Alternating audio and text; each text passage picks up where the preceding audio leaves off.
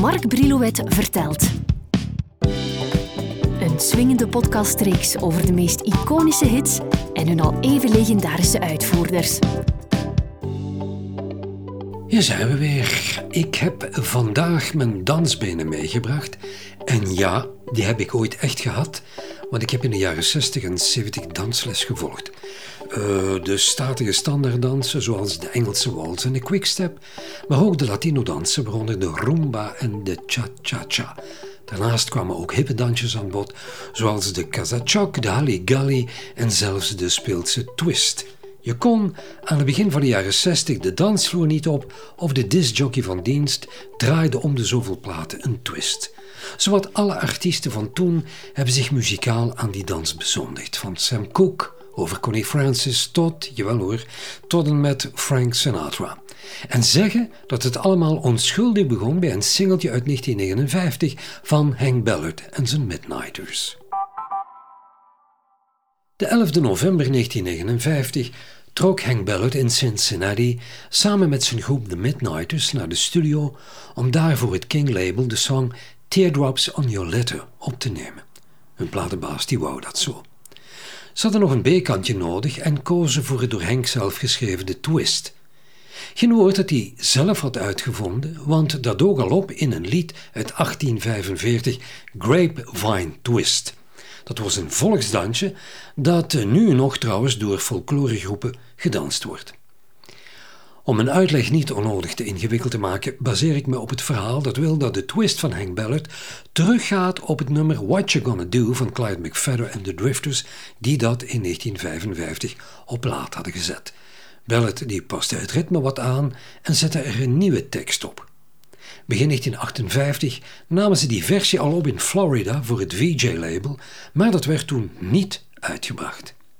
Hun versie uit 1959 wordt ja, geen echte hit, maar uh, wordt wel uh, opgepikt door onder meer DJ Buddy Dean uit Baltimore, die zo weg was van dat liedje dat hij het tipte aan de in die tijd razend populaire tv-presentator Dick Clark, die voor zijn populaire tv-show American Bandstand meteen op zoek gaat naar Hank Ballard om dat nummer in zijn show te brengen, maar Ballard die kan zich niet vrijmaken. Clark die gaat er maar zelf op zoek naar een artiest die het nummer opnieuw wil inblikken. Hij had goede connecties met platenfirma Cameo Parkway en kwam zodoende terecht bij een zekere Ernest Evans, die op uh, zekere dag van South Carolina naar Philadelphia was verhuisd. Hier komt hij terecht op school bij Fabian en Frankie Avalon, die iets later in de hitlijsten zullen opduiken als echte tieneridolen.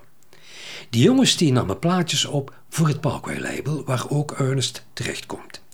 De bazen van het label hebben intussen Ernest tot Chabucheke omgedoopt, omdat hij zelf een dikkertje was en goed Fats Domino kon imiteren. Voor hen neemt hij het plaatje The Class op. Die Clark die vraagt aan Chubby of hij het ziet zitten om een nieuwe versie van de twist op te nemen en die zegt meteen ja. Maar ik vond toch even de wenkbrauwen bij dat verhaal, want in sommige documenten lees ik dat Chubby het nummer in de maand juni van 1959 al had opgenomen als B-kant van zijn single Toot, een liedje over een meisje en de toeter van een auto. Zo staat het tenminste officieel op zijn website. Maar de baas van Cameo Parkway, Bernie Lowe, zag de versie van de twist die Chubby toen had ingezongen niet zitten en die koos het als B-kantje. Het is pas door het vele promowerk dat Chubby eigenhandig op het getouw zette, dat de twist tot bij de grote radio- en tv-stations terecht kwam en zodoende ook bij Dick Clark. In juni 1960 wordt de single uitgebracht op het Parkway-label en de 6 augustus mag Chubby het voor de eerste keer opvoeren in American Bandstand. De 19 september staat Checker bovenin de Amerikaanse charts en zal daarbovenin de 13 januari 1961 opnieuw staan prijken. Twee keer bingo dus met dezelfde single.